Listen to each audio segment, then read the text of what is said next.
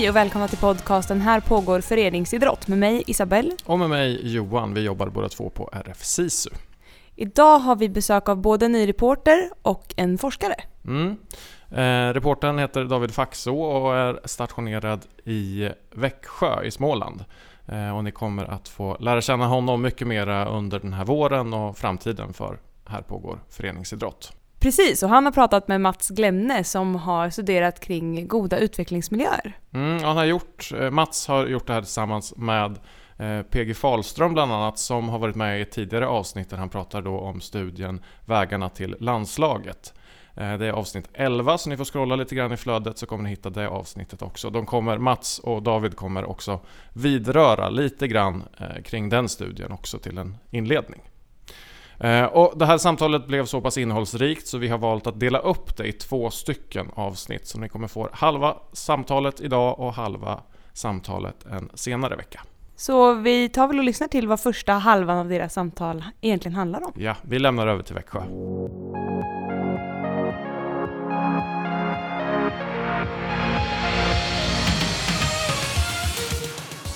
Vi eh, spelar in från Växjö för första gången.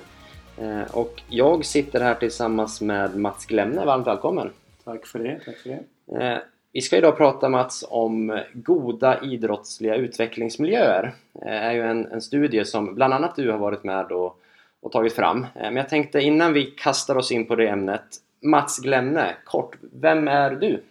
Ja, jag är verksam på Linnéuniversitetet och jobbar också en del tillsammans med några kollegor ganska tätt inpå som håller på att studera en del frågor kopplat till idrottslig verksamhet. Framförallt är det en kollega som heter PG Fahlström och en som heter Susanne Linnér som har gjort en del studier på senare tid som vi ska samtala lite grann om då. Mm. Sen jobbar ju rätt nära idrottsrörelsen på olika sätt. Inte minst har vi här i Småland ett gott samarbete tillsammans på olika sätt. Så är det. Eh, innan vi kastar oss in på, på goda idrottsliga utvecklingsmiljöer. Det har ju föregåtts av ett arbete. Du har funnits med i den här branschen länge eh, och jag tänkte om vi, vi backar ett steg bakom tidigare goda utveckling, idrottsliga utvecklingsmiljöer. Eh, vad ser vi då? Jo, det stämmer ju väl att vi har ju gjort en del studier tidigare då. Och det, alla de här studierna bygger faktiskt på ett samarbete med Riksidrottsförbundet som vi har haft under, under många år. Och eh, den som föranledde den här goda idrottsutvecklingsmiljön det var en studie som vi hade benämnt som Vägarna till landslaget. Och det är precis vad det handlar om egentligen. Vi fick möjligheten någonstans 2014-2015 att eh, ta del av den utvecklingsresa som jag säga, all Sveriges elit hade gjort. Den studien handlade om att titta på hur resan har sett ut från det man började idrotta till man är bäst i världen eller åtminstone bäst i Sverige i sin idrott, eller bland de bättre. Eh, och när vi har granskat det här så såg vi ju en hel del intressanta resultat som sen föranledde att vi gjorde studien, eller fick möjlighet att göra studien Goda idrottsliga utvecklingsmiljöer. Mm. Eh, det är intressant med landslag och, och elitidrott. Eh, kort om, vilka resultat fick ni fram i den studien, Vägarna till landslaget? Tittar man på det här forskningsmässigt så och som kanske är välbekant för många så brukar man ju tala om två liksom skilda vägar. En är att man håller på med många idrotter, provar många idrotter ganska lekfullt och bestämmer sig ganska sent för att liksom satsa på en idrott. Och en annan väg är ju då det motsatta, att man tidigt bestämmer sig att jag ska bli bra i den idrotten och så sysslar jag bara med den idrotten. Men så enkel är inte verkligheten, vilket kan i och för sig vara självklart. Men vi ser att det finns många olika vägar då eh, i sammanhanget. De här vägarna finns.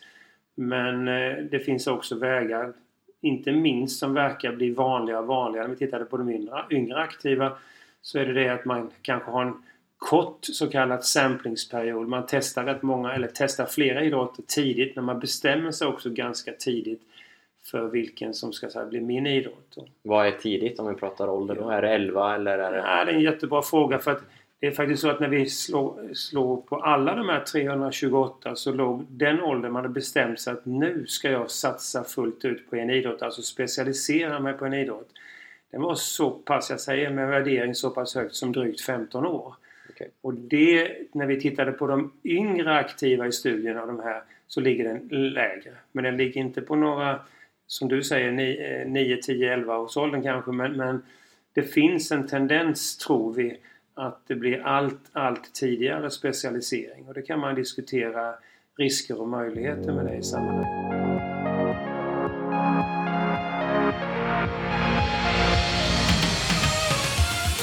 Vi ska ju prata om, om goda idrottsliga utvecklingsmiljöer som ju var studien som kom efter eh, vägarna till landslaget. Eh, var det som så att, att Riksidrottsförbundet var så pass nöjda med vägarna till landslaget och beställde en till studie eller visste ni att den skulle komma efter eller hur gick den gången? Helt säkert, men det var nog inte så att... utan det var nog mer en naturlig följd av att man, man såg de här resultaten på en individuell nivå som vi såg nu men man började också titta på att finns det miljöer som är särskilt duktiga på att kontinuerligt, regelbundet få fram duktiga idrottare. Och kan man då liksom hitta saker och ting som skulle känneteckna de här miljöerna som man kan lära sig av någonstans. Så att då handlar det mer om att titta på miljöaspekten. Nu har vi kikat på hur ser resan ut för de som är, har blivit riktigt duktiga. Men kan vi också lära oss någonting av att titta på miljöer som är duktiga på att regelbundet få fram duktiga idrottare. Så det blev en vidgad fråga på något sätt som vi fick chans att studera. Då. Mm. Eh, jag tänkte att vi ska grotta ner oss eh, kommande tiden här i, i just den studien. Eh, syftet eh, med den här studien, eh, det, som vi var inne på, studera eh, framgångsrika svenska utvecklingsmiljöer eller talangmiljöer. Är, är, liksom, är det det mm. huvudsyftet skulle du säga? Absolut, och titta framförallt då på ja, likheter och skillnader men också vad som faller ut av det då. Alltså vad, vad finns det för, som vi skulle kunna säga, mer general, generella framgångsfaktorer om jag använder det uttrycket då. Mm. Och vi tror också, utan att ha belägg för det precis, men vi tror också att många av de här sakerna som vi har, eller flera av de saker vi har sett också är på något sätt generaliserbara, överförbara till, till de flesta idrottsmiljöer. Så det är liksom inget det, det, är inget märkvärdigt men vi har åtminstone försökt att systematisera vad det skulle kunna handla om då. Eh, om vi kollar på goda idrottsliga utvecklingsmiljöer. Eh, I Vägarna till landslaget så var det ju väldigt många aktiva ni träffade, väldigt många idrotter. Mm. Hur såg det ut där? Alltså hur gjordes själva studien? Var det många idrotter ni var ute i eller hur funkade det? Vi eh, gjorde så att vi tillsammans med RF då så gjorde vi ett urval. Och det urvalet innebar att vi skulle begränsa antalet idrotter men samtidigt titta både på kallat stora och små idrotter, lagidrotter, individuella idrotter. Det fanns ett antal kriterier men det gjordes ett sådant urval och det landade då i 12 stycken olika idrotter. Och då kan man ställa sig frågan om man ska ta reda på om det finns särskilt bra miljö i de här 12 idrotterna då som är duktiga på att få fram aktiva. Hur, hur går man tillväga då? Och då initialt så vänder vi oss till en mer central nivå i de här idrotterna. Ofta på så att säga SF-nivå, alltså specialidrottsförbundsnivå. Och, och de som hade en överblick av utvecklings, eh, utbildningsfrågor och så vidare. Vi intervjuade dem helt enkelt och, och fick fram ett antal kriterier. Men vi kände ändå då att det blev ganska att säga, allmänt hållet och inte, alltså inte självklarheter. Men det blev, eh, vi kände att vi ville gå ett steg vidare. Okay. Och då, då, hade vi förnyad dialog givetvis med RF och då bestämde vi oss för att gå ner på en lite mer hands-on nivå i, i sex av de här idrotterna då. Där vi då eh, pratade med folk som mer besökte miljöer, alltså sådana som kunde vara konsulenter eller var verksamma på olika regionala nivåer och så här. Vi hade först en tanke om att besöka ett antal föreningar men det fanns inte rimlig tid att göra det. Men vi pratade om folk som, som hade mera know-how på, på golvet om man säger så. Okay. Och de idrotterna vi blev sen som att vi undersökte närmare det blev eh, basket, eh, fotboll, friidrott, hockey, simning och tennis. En blandning av både lagidrotter och Exakt. individuella idrotter. Exakt. De flesta är ändå relativt stora även om ja, fotboll och friidrott sticker ut. Absolut.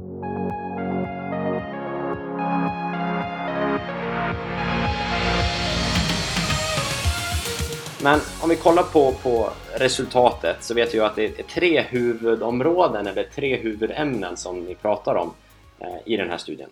Mm, det stämmer bra.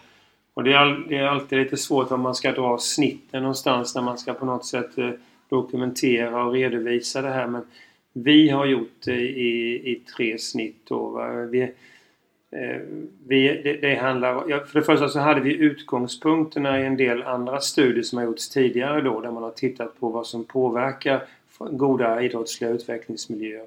Bland annat eh, har vi tittat på, på en studie som har gjorts i Danmark som heter Henriksen. Där vi har tittat på den indelning som han har gjort liksom är att det finns en nivå väldigt, väldigt nära den aktiva. Alltså träningsgrupp och coacher och så vidare. Det finns en nivå som ligger, det som finns runt omkring men ändå ganska nära som familj och eh, skola och kamrater och sånt. Och sen finns det förstås en mera yttre eh, jag samhällsekonomisk nivå, med medianivå och så vidare som också påverkar. Men det vi har tittat på är de innersta nivåerna om man säger så.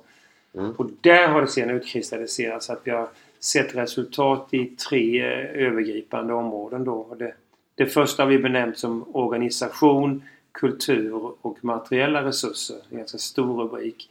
Mm. Sen har vi en som vi har kallat då för sociala faktorer. Och en som sen har visat sig kanske vara oerhört central. Det är det vi har kallat för tränares eller ledares idrottsliga och pedagogiska kompetens. Och ska vi då vara pedagogiska Mats, eh, så kan vi väl ta dem egentligen i ordning nu vi läser. Att, att vi kollar lite extra, vad innebär det med organis organisation, kultur och materiella resurser? Vad är det ni såg där eh, som påverkar de goda idrottsliga utvecklingsmiljöerna? Mm. Så första huvudområdet, organisation, kultur och materiella resurser alltså. vad innebär det? Stor rubrik, bred rubrik? Ja, och det är också ganska stora och breda frågor som ryms under den rubriken. Men något av det första som kom fram i flertalet av de här miljöerna som vi studerade, det var ordet långsiktighet. Mm. Eh, och då kan man ju fundera, vad innebär det då? Då, då var det ju liksom en, en långsiktighet som fanns en, i, en, en tanke i själva verksamheten, om man säger. Långsiktighet i hur en förening jobbar med mål och utvecklingsfrågor. Och också då en långsiktighet i de aktivas ut, utveckling. Det var liksom inte quick fix. Va? Och det, det var inte heller att det var jätteviktigt att man skulle vinna den turneringen eller den tävlingen som låg precis i framför en. Utan det var ett mer långsiktigt tänkande. Vi har rätt mycket tid på oss. Hur gör vi en bra resa över tid? Och vi myntade faktiskt ett begrepp i sammanhang som vi har myntat i rapporten som vi kallar för positiv tröghet. då kan man undra vad menas med det. Men... Tröghet är väl ett negativt ord? Jo, Jo precis. Men vi, vi, har, vi har ju så sagt vinklat det då och ja. kallat det för positiv tröghet. Och det menar vi då att ändå, alltså det är inte så att någon miljö har alla de här faktorerna som vi pratar om nu. Men vi har ändå plockat ut de som verkar vara mer frekventa. Och positiv tröghet innebär då att man håller kvar vid det man tror på. Alltså, det är klart att man kan förändra och utveckla en verksamhet men man är inte heller någon så att säga, vindflöjel. Att nu blåser vinden så, då gör vi det och nu blåser vinden si, så gör vi så. Utan att man, man, man tror på det här. Nu jobbar vi så här. Vi har en långsiktig tanke med vår verksamhet. Och så här jobbar vi. Och, och, och då blir vi på något sätt inte lika sårbara. Och, och, och eh, det, det, det, har vi sett som en tydlig bit. Men det handlar överhuvudtaget om tydlighet i verksamheten. Det finns en tydlig struktur i verksamheten. Så här jobbar vi. Vi är duktiga på att informera om hur vi jobbar. Eh, eh, så att det, det, är också viktiga aspekter. Jag, jag, tänker på som idrottskonsulent till yrket så är vi väldigt mycket ute i föreningarna och någonting som är väldigt eh, vanligt att vi arbetar med eller som vi åker iväg och har en process med föreningar och så är att jobba igenom föreningens röda tråd eller blåa tråd eller gula tråd, kalla det vad du vill men någon form av det vi är inne på här, tydlighet, struktur i föreningen och det är, jag tror alla som, som har en motsvarande roll i RFSISU i hela vårt avlånga land att man jobbar väldigt mycket med den här röda tråden eh, och det, är det det lite du är inne på här? Absolut, absolut. Mm. Och det kan ju tyckas som självklarheter då att, att det ska vara så. Jag förstår att ni försöker implementera det här då i föreningslivet. Ni ser att det är viktigt för en fungerande förening förstår jag då. Men, mm. men det är också fungerande för en framgångsrik miljö. Alltså att, att det finns en tydlighet i föreningen. Hur är det strukturerat? Hur är det organiserat? Finns det en tydlig värdebas i vår förening? Det här står vi för. Så här vill vi jobba. Och också då att vi, vi håller kvar vid det vi tror på. Jag menar inte dumdristigt nu men jag menar att man det här tror vi på det här sättet att spela eller på det här sättet att träna eller vad det nu är för någonting. Det var ändå någonting som gick igenom eh, i, i verksamheten då. Va? Så det, det ni jobbar med där känns oerhört angeläget. Eh, för, för en förening. Sen kanske vi, inte, kanske vi inte ska göra det så ofta om vi ser att man ska ha tro på sina idéer. Nej. Kanske inte vi ska åka iväg med samma styrelse var tredje år utan man de ska ge dem lite tid och, och implementera det i Och föreningen det kanske. väcker ju en del andra frågor som inte har med studien att göra men det kan ändå få väcka frågor var, var man bygger så att säga, stabiliteten i föreningen någonstans. Vi vet ju att det sk- skiftar folk på styrelsebordet och det skiftar folk i träningsgrupperna och, och så vidare. Så det är klart att var bygger man långsiktighet och hållbarhet i en förening? Och då tror jag det kan låta trist och tråkigt men att det också kan vara bra att, att dokumentera. Mm. Att, eh, att man... Eh, det, det behöver inte bli så jättemycket jobb men att vi, vi har dokument. Vad, vad, har, vad är våran väg och hur jobbar vi? Var står vi? Vi kan förändra oss men vi kan inte heller förändra oss bara för att någon tycker si och någon tycker så med kort varsel på något sätt utan det finns en ryggrad i vår verksamhet. Man pratar ofta inom idrottsrörelsen och det är över hela världen skulle jag säga, man pratar om idrottskulturen.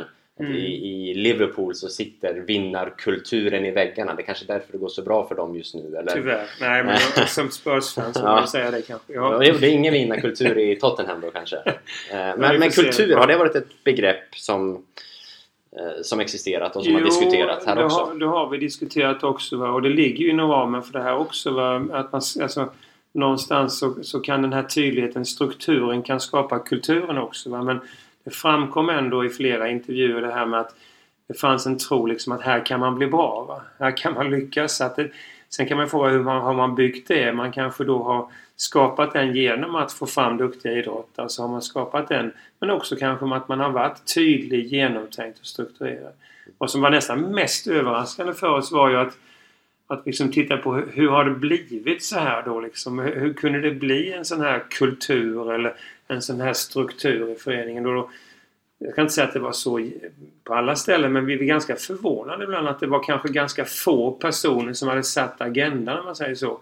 Alltså det, det kunde vara många, många tränare och ledare i en förening men det var ändå en mindre grupp som hade på något sätt eh, stakat ut vägen och sagt så här jobbar vi. Och sen så fanns alltså majoriteten där. Då kan man ju fundera på är det bra eller dåligt? Är det någon liksom diktatoriskt styre på något sätt? Men, men jag tror att ska det lyckas så måste det ju också vara förankrat i verksamheten. Men det, det visade sig ändå i flera undersökta miljöer att det fanns eh, kanske några få personer som varit väldigt avgörande för att så här jobbar vi. Det här tror vi på.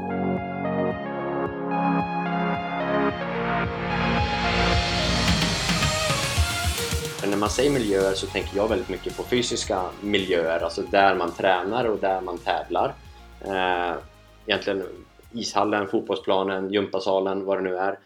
Löper den, eller rymmer den under den här rubriken också? Eller under det här Ja, vi huvudområdet? hade ju med den som vi kallade den för, för, för både då, eh, som du sa, organisation, kultur och materiella resurser. Så kan man fundera på om den ska ligga där eller inte. Men vi la in den där för att det är klart att bra faciliteter, alltså både jag tänker själv, själva idrottsytan men också träningsmiljö runt omkring har betydelse, eh, absolut.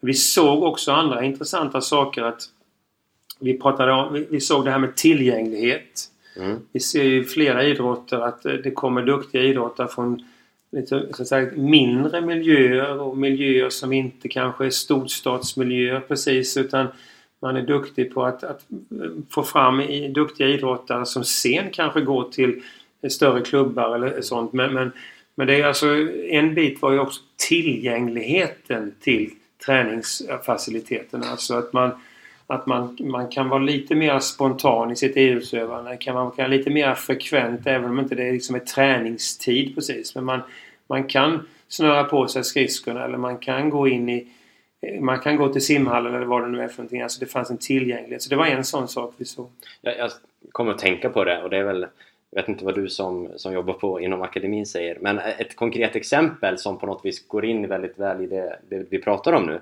Elias Pettersson, eh, hockeyspelaren som ju dominerar i NHL nu eller väldigt duktig i NHL i alla fall, kom från, från Växjö Lakers, kanske därför han är top of mind men innan dess så var han ju i Timrå och innan det i Ånge Mm. Eh, och jag läste och hört, eh, bara för någon dag sedan här, intervjuer där de berättar om hur, hur han efter skolan var i ishallen två, tre timmar varje dag och sköt och sköt och sköt och åkte skridskor och tränade helt enkelt utanför den organiserade träningen. För att han hade en bra relation med vaktmästaren som låste upp hallen åt honom.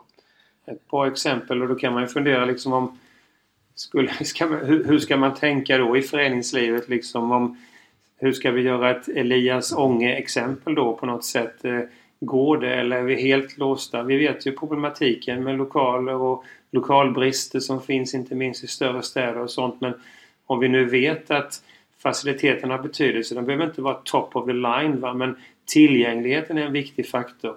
Hur katten gör vi då för att öppna upp för mer va, dumt ut, organiserad spontanidrottande då på något sätt? Eh, Eh, hur kan vi ha den typen av verksamhet? Eh, så det är en jättebra fråga och intressant fråga.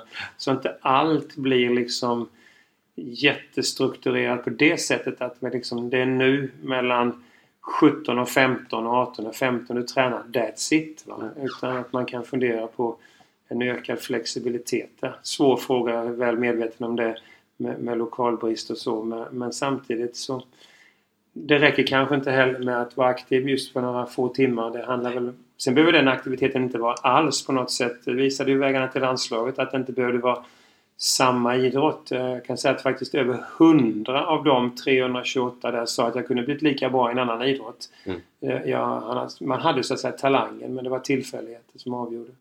Eh, var ett, ett motsatt skräckexempel var en grannliggande kommun här till Växjö som för ett 5-10 år sedan byggde en konstgräsplan eh, föreningsdriven och föreningen bestämde att den här ska vi stängsla in. Utan vi sätter ett stort staket med lås på den för den här ska bara vår förening använda för det är vi som äger den. Eh, det har de tack gode gud tagit bort nu. Eh, men finns det föreningsledare som lyssnar och som, där man äger och driver sin egen anläggning eh, så klart att det kanske inte alltid är lätt att ha en gympasal som står öppen dygnet runt men en fotbollsplan och en, kanske en konstgräsplan som inte har samma slitage att stängsla inte in den. Jag vet inte om det finns några instängslade planer kvar längre men... Nej men det, jag förstår din, din, din tanke och, och inspel. Sen, för jag tror också det kan ju ligga en poäng i den här utvecklingen av näridrottsplatser och sånt som görs där, där på något sätt tillgängligheten också blir större där man bor och lever och så vidare. Så att det, det, det har ju sin poäng då. Mm. Vi såg faktiskt också en annan sak när det gällde det här med äh, lokaliteter och faciliteter. Det var ju också att en betydelse har också tränarens ledares förmåga att använda ytan. Och då menar jag både att man är så pass kompetent så att man vet att man inte sliter ut aktiva. Man vet hur man använder, om det är hårda underlag eller ja, hur man ska variera träningen och så vidare. Men också hur man så att säga pedagogiskt använder ytan. Alltså det vill säga att nyttjar man ytan på ett bra sätt för att få bra aktivitet. Eh, använder man en om man är tilldelad en hel fotbollsplan på ett bra sätt och så vidare. Så det, det fanns flera aspekter kopplat till det här med, med, med lokaler och utrustning som har att göra med både tillgänglighet och kompetens hos tränaren.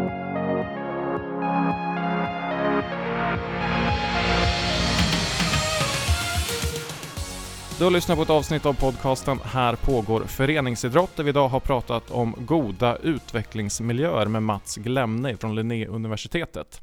Det här var den första delen av två avsnitt.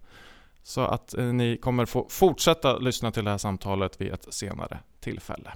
Vill ni komma i kontakt med oss som gör podden så gör ni det enklast via vårt Instagramkonto som heter Här pågår föreningsidrott i ett ord.